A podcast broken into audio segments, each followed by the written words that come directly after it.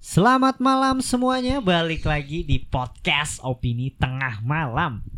Jadi kalau kalian lihat di YouTube ya, di frame ini Hmm. kita bertiga, padahal bukan segmen berbayar. Kedatangan tamu nih. iya, kita kedatangan tamu. Si. lagi kan Kita kedatangan tamu. Kenapa kedatangan tamu gitu? Karena ini adalah segmen Anak hilang. anak hilang. Berarti doa-doa kalian terkabul nih. Biar Faris sepi job jadi join ke sini lagi. Jadi segmen anak hilangnya Fedrian Faris sekali nih mampir gitu. Pengen nyoba sih sebenarnya kenapa segmen Sensasinya. sensasi nyari anak hilang. gitu. Mungkin gimana, Fed? Anak hilang kali ini di mana nih? Kali ini masih di Amerika. Paling banyak di Amerika emang sih. Paling baik di Amerika. Iya. Gitu. Kayaknya kalau di Indo kesimpulannya diculik gendruwo ya kalau wewe ya. Iya bisa bisa bisa. Berarti masih di Amerika ya? Masih masih di Amerika. Explore dong anak hilangnya request. Iya nih gue pengen cari ke Thailand sih Oke. ntar. Datang ya. Makanya sponsorin nih. Boleh lah. gue bisa nyari nih. Ya gue lagi gue sempet lagi mikir sih Fed. Kalau seandainya kita ini adalah segmen yang berbayar ya, maksudnya ada sponsorship yang mau placement di konten hilang, kayaknya nggak ada deh. Apa anjir? Gak ada yang bisa masuk gitu loh di konten ini. Tapi ntar siapa tahu ada yang suruh nyariin anaknya ya. Iya, bisa jadi sih. Oh iya anjir. Boleh lah ini segmen anak hilang jadi kita seorang detektif ya bertiga yang Hmm. mencoba memecahkan kasus anak hilang sebenarnya ke mana sih anak hilang ini? Hmm. Ya kan berbagai teori dari gue ada Fedrian dan ada Faris tentunya sekarang. Jadi pasang kacamata konspirasinya tetap open minded balik lagi di podcast opini tengah malam.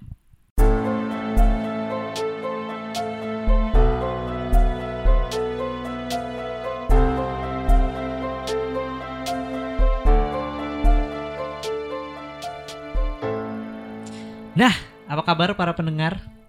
Semoga kalian uh, sehat-sehat selalu ya dan tentunya segmen anak hilang ini kembali menemani malam kalian gitu. Kemarin kita terakhir bahas anak hilang tuh apa Fet? Bobby Danbar. Iya. Faris tau gak Bobby Danbar? Sering denger namanya doang cuma nggak tahu kasus keseluruhan ya. Hmm. Oke, itu menarik banget.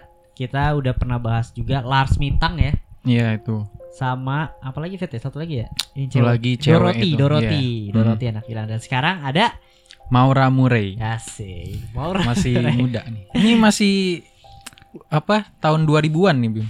Oh, Fresh. tahun ya, 2000-an. fresh. Iya, tahun 2000-an, tapi nggak masih di bawah 2010. Hmm, jadi ini jatuhnya unsolved ya, belum terpecahkan ya. Unsolved sampai sekarang. Karena sampai sekarang dia masih hilang nih ya. Iya. Nah, Cuma- siapa tahu kan Heeh. bisa menemukannya kita. Heeh, cuma di tahun berapa ya? Tahun berapa nih? Bentar, gua- 2012 ada video aneh. Jadi menariknya tuh di sini. Oh, di sini Heeh. berarti. Nggak tahu ini kenapa nih. Cuma disangkut-sangkutin sama kasus ini. Oke, boleh lah. Jadi tuh segmen anak hilang itu akan ada ya sebulan sekali. Hmm. Pokoknya setiap Fedrian buat skrip anak hilang dia tuh susah dihubungin. Gue nggak tahu apa yang dia lakukan sebenarnya dengan segmen anak hilang ini. Mengumpulkan gitu Bukan. untuk dijadikan Anak-anak konten. Oke, langsung aja kita masuk ya untuk segmen anak hilang ini. By the way, Faris nggak tahu kasusnya kan? Enggak. Jatuhnya Faris datang ke sini untuk meriak gitu. Hmm, Untuk diceritain Untuk diceritain. sama Kang Ian. Ya kan, iya. Kira-kira nih semenarik apa sih segmen anak hilang ini? Gue bacain aja nih ya. Jadi seorang mahasiswa di Universitas Massachusetts bernama Maura Murray dikabarkan menghilang secara misterius ketika mobil yang dikendarainya menabrak sebuah pohon di daerah Woodville, New Hampshire, Amerika Serikat. Tidak ditemukan tanda-tanda Maura kabur atau diculik seakan-akan Maura menghilang begitu aja. Orang-orang terdekat mengaku bahwa Maura bersikap aneh saat sebelum dirinya menghilang. Maura juga nggak masuk ak- nggak masuk kelas dengan alasan bahwa salah satu orang anggota keluarganya itu meninggal gitu. Jadi intinya seorang mahasiswa itu ngilang gitu aja akibat tabrakan ya. Hmm, Dia nabrak tiang ya. ya. Cuma Mirip masih kasus di Indo, nabrak tiang. gile politik anjir langsung Siapa dah? Gue lupa. Lupa dah. Setia ya. Setia Novanto kan sih? Asik, suaranya kecil-kecil. Sampai kedengeran dos. Iya, ya gitu lah lanjut ya.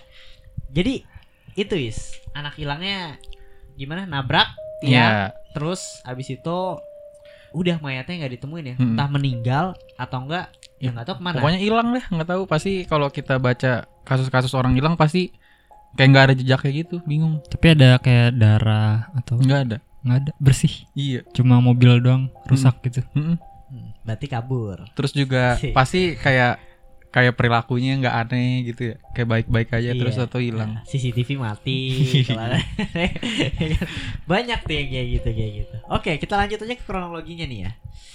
Jadi pada 9 Februari 2004 nih, Maura diduga meneliti sebuah peta. Ia menandai peta dengan dua rute. Yang pertama itu menuju uh, Berksa- Berkshires, yang kedua itu menuju Burlington. Pada saat itu, ia juga menelpon jasa penyedia pak- paket liburan. Namun tidak ada satupun paket yang dipesan. Ini kali ya Apa? nyuri destinasi doang ya. Kalau ngeliat-ngeliat dulu ya Iya. liburan nanti ya. Gitu. Jadi di tanggal 9 Februari 2004 nih si Maura ini udah mulai neliti peta atau nandain peta ya Hmm. untuk pergi ke sebuah tempat tapi dia nggak pernah memesan tempat itu gitu dan Maura dikabarkan sempat mengirim email ke beberapa dosen dan atasan kerjanya bahwa ia berencana untuk mengambil cuti selama satu minggu dikarenakan ada salah satu anggota keluarganya yang meninggal. Namun setelah dikonfirmasi, keluarga Maura membantah hal tersebut dan menyatakan tidak ada anggota keluarganya yang meninggal Hmm. gitu. Jadi udah ada dua keanehan. Yang pertama itu dia udah nulis-nulis peta, Mm-mm. dia kayak pengen cabut. Yang kedua dia alasan bahwa keluarganya meninggal. Jadi dia minta cuti lah untuk kerjaannya. Itu sehari sebelum nabrak atau kapan? Ini nabraknya itu Ini pada tanggal Yang mana? ya? Yang pas dia minta cuti. Iya. Yang pas minta cuti di hari itu juga di tanggal 9 Kalau yang peta? Februari. Yang peta juga, tapi di pagi harinya, Dis. Oh, berarti di hari Dalam yang sama. sehari semuanya itu. Iya, dalam satu hari yang sama itu dia ngelakuinnya. Oh, berarti kronologi ini dalam satu hari ya. Iya, pada Oke. 9 Februari itu Menarik, pas menarik. dia hilang. Jadi sekitar pukul setengah lima sore Maura meninggalkan asramanya menggunakan mobil membawa beberapa pakaian, peralatan mandi, beberapa buku pelajaran dan pil KB. Tampung aja dulu bukunya ya nanti buat buat teori-teori kalian nih. Maura lalu pergi ke ATM dan menarik uang sebanyak 280 dolar Amerika Serikat. Berapa ya itu? ya? Kurang lebih 3 juta ya. Tiga setengah lah. Tiga setengah juta. Oke. Ia juga sempat pergi ke minimarket untuk membeli minuman keras dan mengendarai mobilnya menuju utara dan meninggalkan masa Suset. Suset. Oke. Pukul 19 atau pukul 7 malam 145 mil sebelah utara Amherst tepatnya di Havernhill, New Hampshire, seorang warga mendengar bunyi benturan yang sangat kuat dan ia melihat sebuah mobil menabrak pohon di dekat rumahnya. Hmm. Dan itu diduga adalah mobilnya Maura. Maura. Seorang supir bus yang sedang berada di daerah tersebut langsung menawarkan bantuan pada saat itu. Maura dalam keadaan baik-baik saja dan ia menolak ketika ditawari untuk bantuan polisi. Jadi Maura tuh Hmm. nggak mau nih. Mm-mm. Pas tabrakan disuruh telepon polisi dia nggak mau Nggak mau. gitu dia nolak dan Maura mengatakan bahwa ia sudah menghubungi jasa asuransi mobil. Hmm. Wah, kenapa jasa asuransi mobil ya? Kenapa bukan polisi untuk nolongin ya? Tahu nih. Sang supir menyetujui permintaan Maura, kemudian pergi. Sementara itu saksi lainnya yang mengintip melalui jendela tetap menelpon polisi. Hmm. Karena nggak tahu nih ya, mungkin kan kalau ngeliat orang ada kecelakaan, ya langsung nelpon polisi gitu. Mm-mm. gitu. Jadi pada pukul hampir 8 malam 1946 polisi tiba di lokasi kejadian. Mobil Maura dalam keadaan terkunci. Kaca depan retak dan ditemukan botol soda kosong yang diduga telah diisi alkohol sebelumnya. Polisi menemukan sebuah peta yang mengarah ke sebuah daerah Burlington yang berada di dalam mobilnya. Sehari setelahnya, polisi menyatakan Maura Murray telah menghilang. Ketika menggeledah kamar asramanya, mereka hanya mendapati barang-barang Maura yang telah dikemas dan sebuah email untuk pacarnya di laptop. Gitu. Oke, jadi segitu dulu. Gimana kronologinya nih? Sebenarnya yang anehnya tuh gara-gara jeda waktunya itu sih, yang polisi datang sama eh, saksinya ngeliat itu loh. Kenapa bisa hilangnya secepat itu dari kasus ini? Oke, Padahal jedanya yang tuk, tukang supir bis itu masih ada si Moranya itu kan? Iya masih ada pas ini. pas ditawarin. Tapi jeda apa? Jeda waktunya tuh cepet banget tahu-tahu udah hilang gitu. Kok Terus kan Nggak lihat tau dia. iya juga ada saksi yang itu kan di dekat rumah ya Bim ya. Jadi kan suka kepo gitu ya. Orang Tetangga. lihat kan, Hmm. ngelihat kan buka kaca gitu. Terus Tapi ada yang masih nge- iya kayak abis ketabrak masih ngelihat. Cuma cepet banget terus tahu-tahu udah hilang gitu. Atau kemungkinan besar di bawah supir bis ya. Supir bisnya pakai anduk gak ya? Sih, selempang. di sini ya di leher. nah, ini ini ini mulai kita tebak-tebakan dulu lah ibaratnya berteori dulu dari clue-clue yang udah ada nanti kita akan bahas pencarian dan teorinya ya. Jadi eh, peta. Oke. Menurut gue dia mau melarikan diri yang pertama, Hmm. bukan karena diculik atau apa. Karena dia udah izin ke dosennya juga Hmm. untuk keluarga yang meninggal.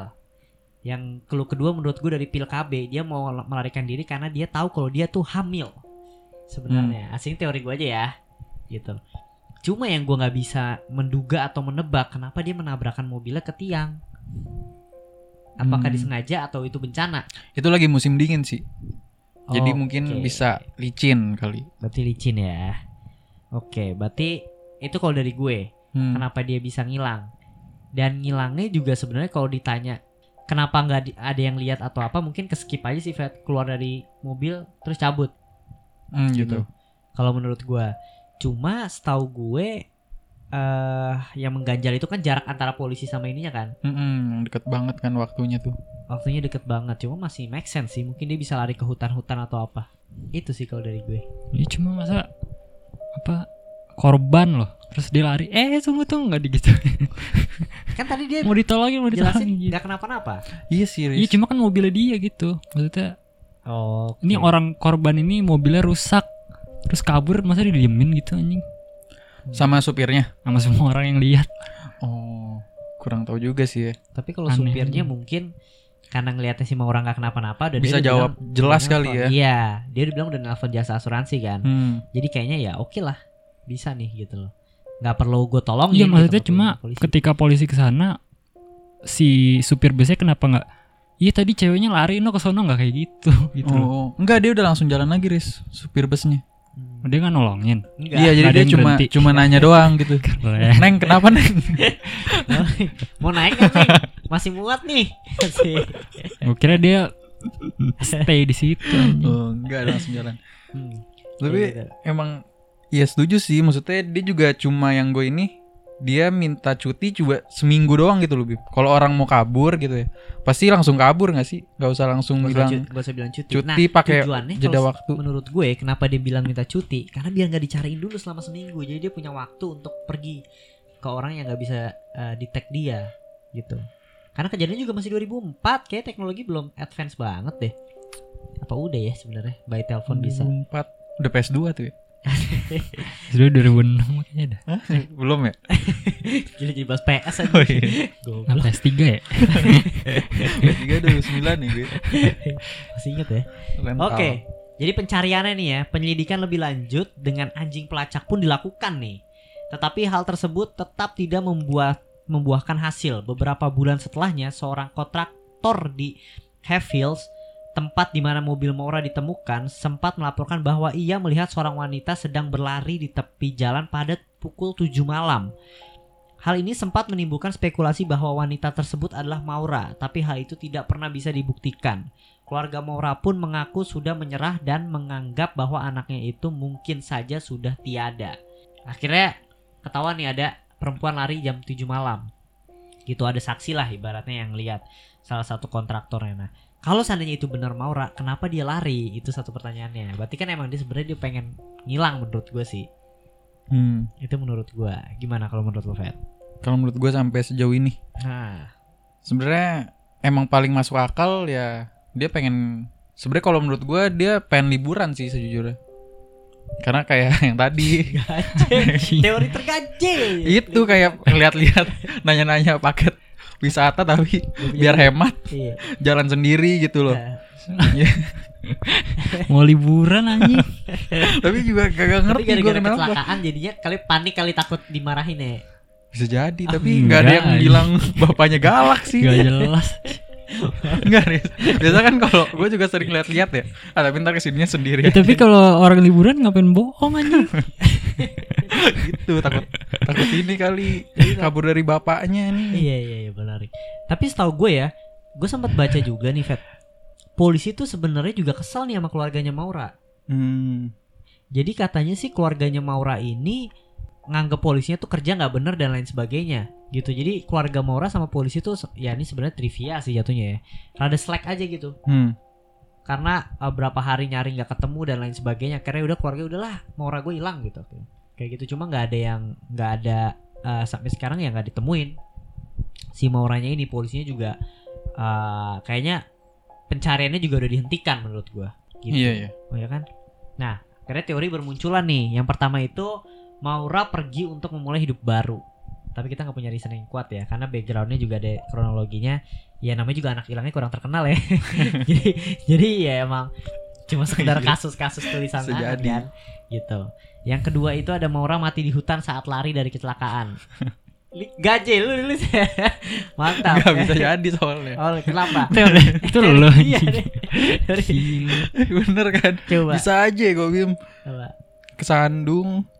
Mati tapi kan mas jasad pasti ditemuin Fet Iya sih soalnya juga pakai ini Riz dia nyarinya pakai anjing pelacak loh. Kok masih bisa nggak dapet ya pakai anjing pelacak ya?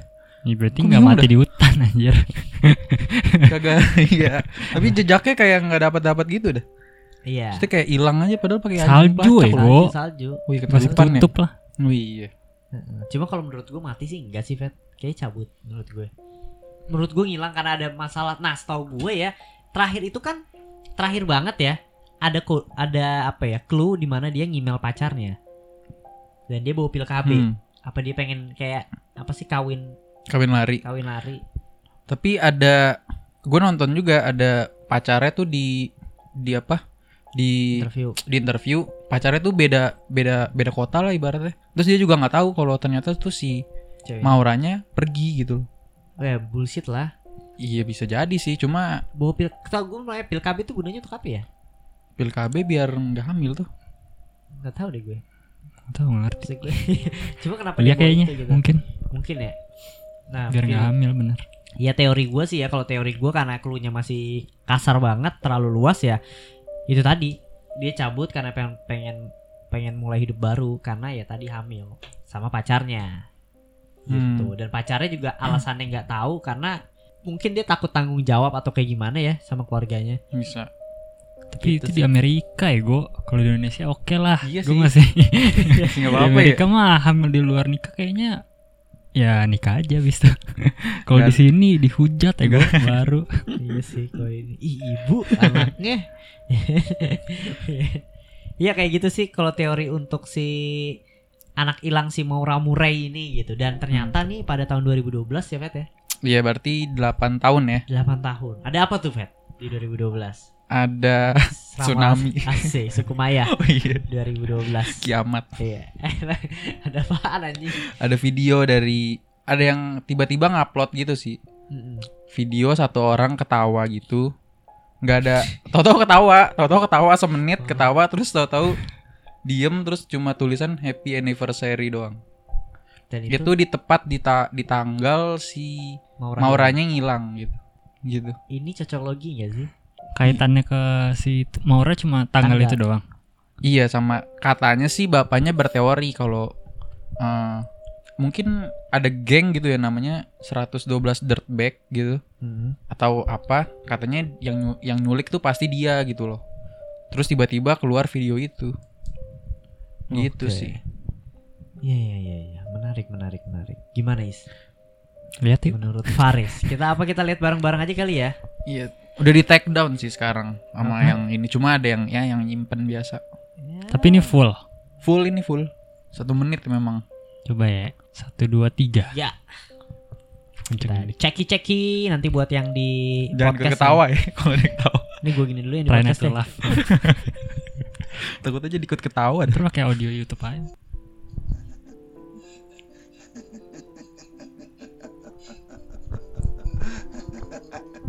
Ini satu menit nih. Hmm. Anjir, dia tua ya. Anjir lama merinding. Berat. 2014 eh 2004 Merinding anjing.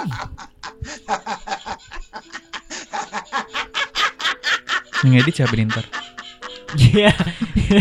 Gila goblok.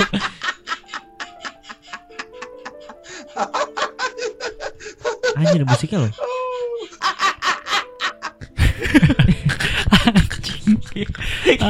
Gila, dilanjutin ketawa aja. Goblok. kayak ini dah bocah yang ketawa gaji tau gak hahaha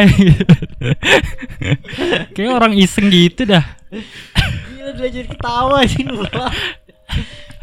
Kenapa tuh? Apa menurut lo? Enggak tapi en- happy anniversary-nya aja sih yang aneh sih. Sejujurnya pas di tanggal si Maura Murenya ngilang gitu loh.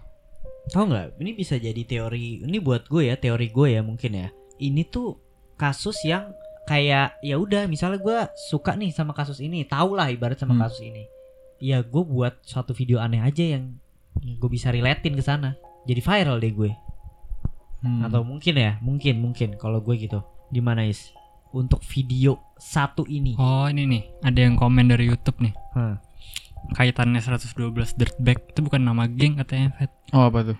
jadi si Maura itu nabraknya di nama jalannya tuh 112 Street Hmm. terus bapaknya si bapaknya Maura di di TV lah gitu lah ya Hmm. di berita dia bilang siapa yang ngelakuin ini ke anak gua dia itu adalah seorang dirtbag atau seorang bajingan gitu, gitu. Oh. terus nama video ini 8 tahun kemudian uploadnya itu 112 Mister 112 dirtbag Nah, jadi digabung gila, langsung merinding lah gue. nah itu baru koneksi Iya, kan Begal. Tapi ini jadi pertanyaan lagi buat gua. Kenapa dia ngebunuh Maura? emang mungkin ngebunuh jadi Siapa tahu di- iya di simpen di basement ya? iya anjir. Asik. Jadi ini dong kayak Frizzle case ya. Ya bisa bisa jadi sih. Cuma gue kepo aja sih. Merasa menang aja gitu. Tapi nggak diidentifikasi ya sama Iya. polisi ya? mungkin dikira video Ya udah, kalau udah video 8 tahun, Fat. aja kali Kan udah 8 tahun menurut gue ya.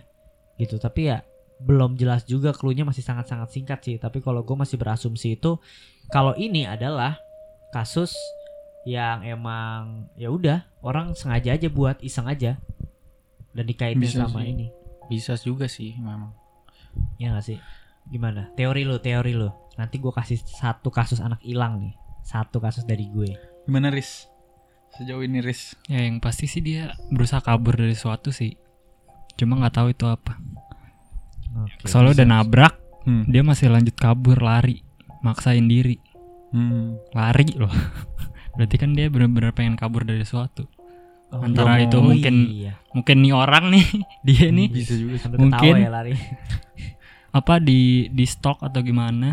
Atau Dia sebenarnya si. Maura ini nabrak atau punya dosa sesuatu sama dia. Bisa jadi ya. Sampai-sampai dia nggak mau ketemu polisi kali ya? Ya mungkin. kabur gitu. Mungkin, mungkin, Iya, dia mungkin pengen dia kabur juga dari dia. Nah, Melakukan suatu kejahatan atau apa si Maura pengen kabur. Iya, iya. iya. Tapi kalau gitu sih menurut gua ketres sih pas dia kabur. Misalkan dia melakukan sesuatu yang salah gitu ya, Hmm. pasti harusnya ket- ketahuan sih. Tapi benar benar gue setuju sih kalau seandainya dia kabur untuk memulai hidup baru masa nggak ketrek sama sekali gitu loh. Hmm. Hilangnya gimana? Masa nggak ada kangen-kangennya gitu sama orang tua? Lagian pasti mukanya ya nggak jauh beda gak sih?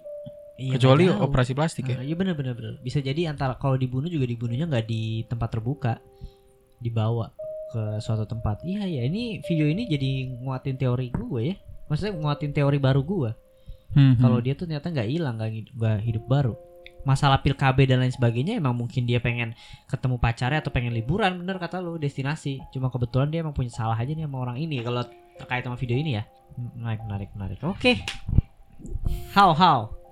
Gila nih kali ini kasus orang hilang lu ya gue kasih nilai 7 lah Gila. gitu. Tapi yang terbaik yang mana nih? Tetap yang pertama ya. Lars Mitang. Lars Mitang ya. Mitang itu Itu tengah hari loh. Dia kan videonya tengah hari kan. Dia tengah hari. Tapi nggak ada yang ikut campur loh, nggak ada yang Iya. tahu. Gila juga sih. Nah, gue mau kasih satu nih, anak hilang. Mungkin ya sedikit doang lah ini mah. Kemarin gue udah sempet bahas di podcast yang kasus pemerkosaan ya, Hmm. gitu. Dan ini eh, lu juga kema- pengen kemarin pengen bahas gitu. Jadi Hmm. kasus orang hilang dari Jepang. Kita ke negeri Jepang dulu Oke. kan. Mantap. Tuh, ya itu namanya Junko Furata. Oke. Nah, lu sempat pengen bahas ini kan? Ini sempat Hmm. kasus terkenal banget kan? Hmm. Nah, Faris tahu nggak Junko Furata? Nah, nggak tahu nih. Mungkin gua bacain singkat aja lah. Kalau untuk detailnya karena gue udah sempat belum bahas detailnya sih, tapi di kasus pemerkosaan yang episode sebelumnya gue udah pernah bahas. Jadi ini terjadi di Jepang. Furata tuh berumur 16 tahun.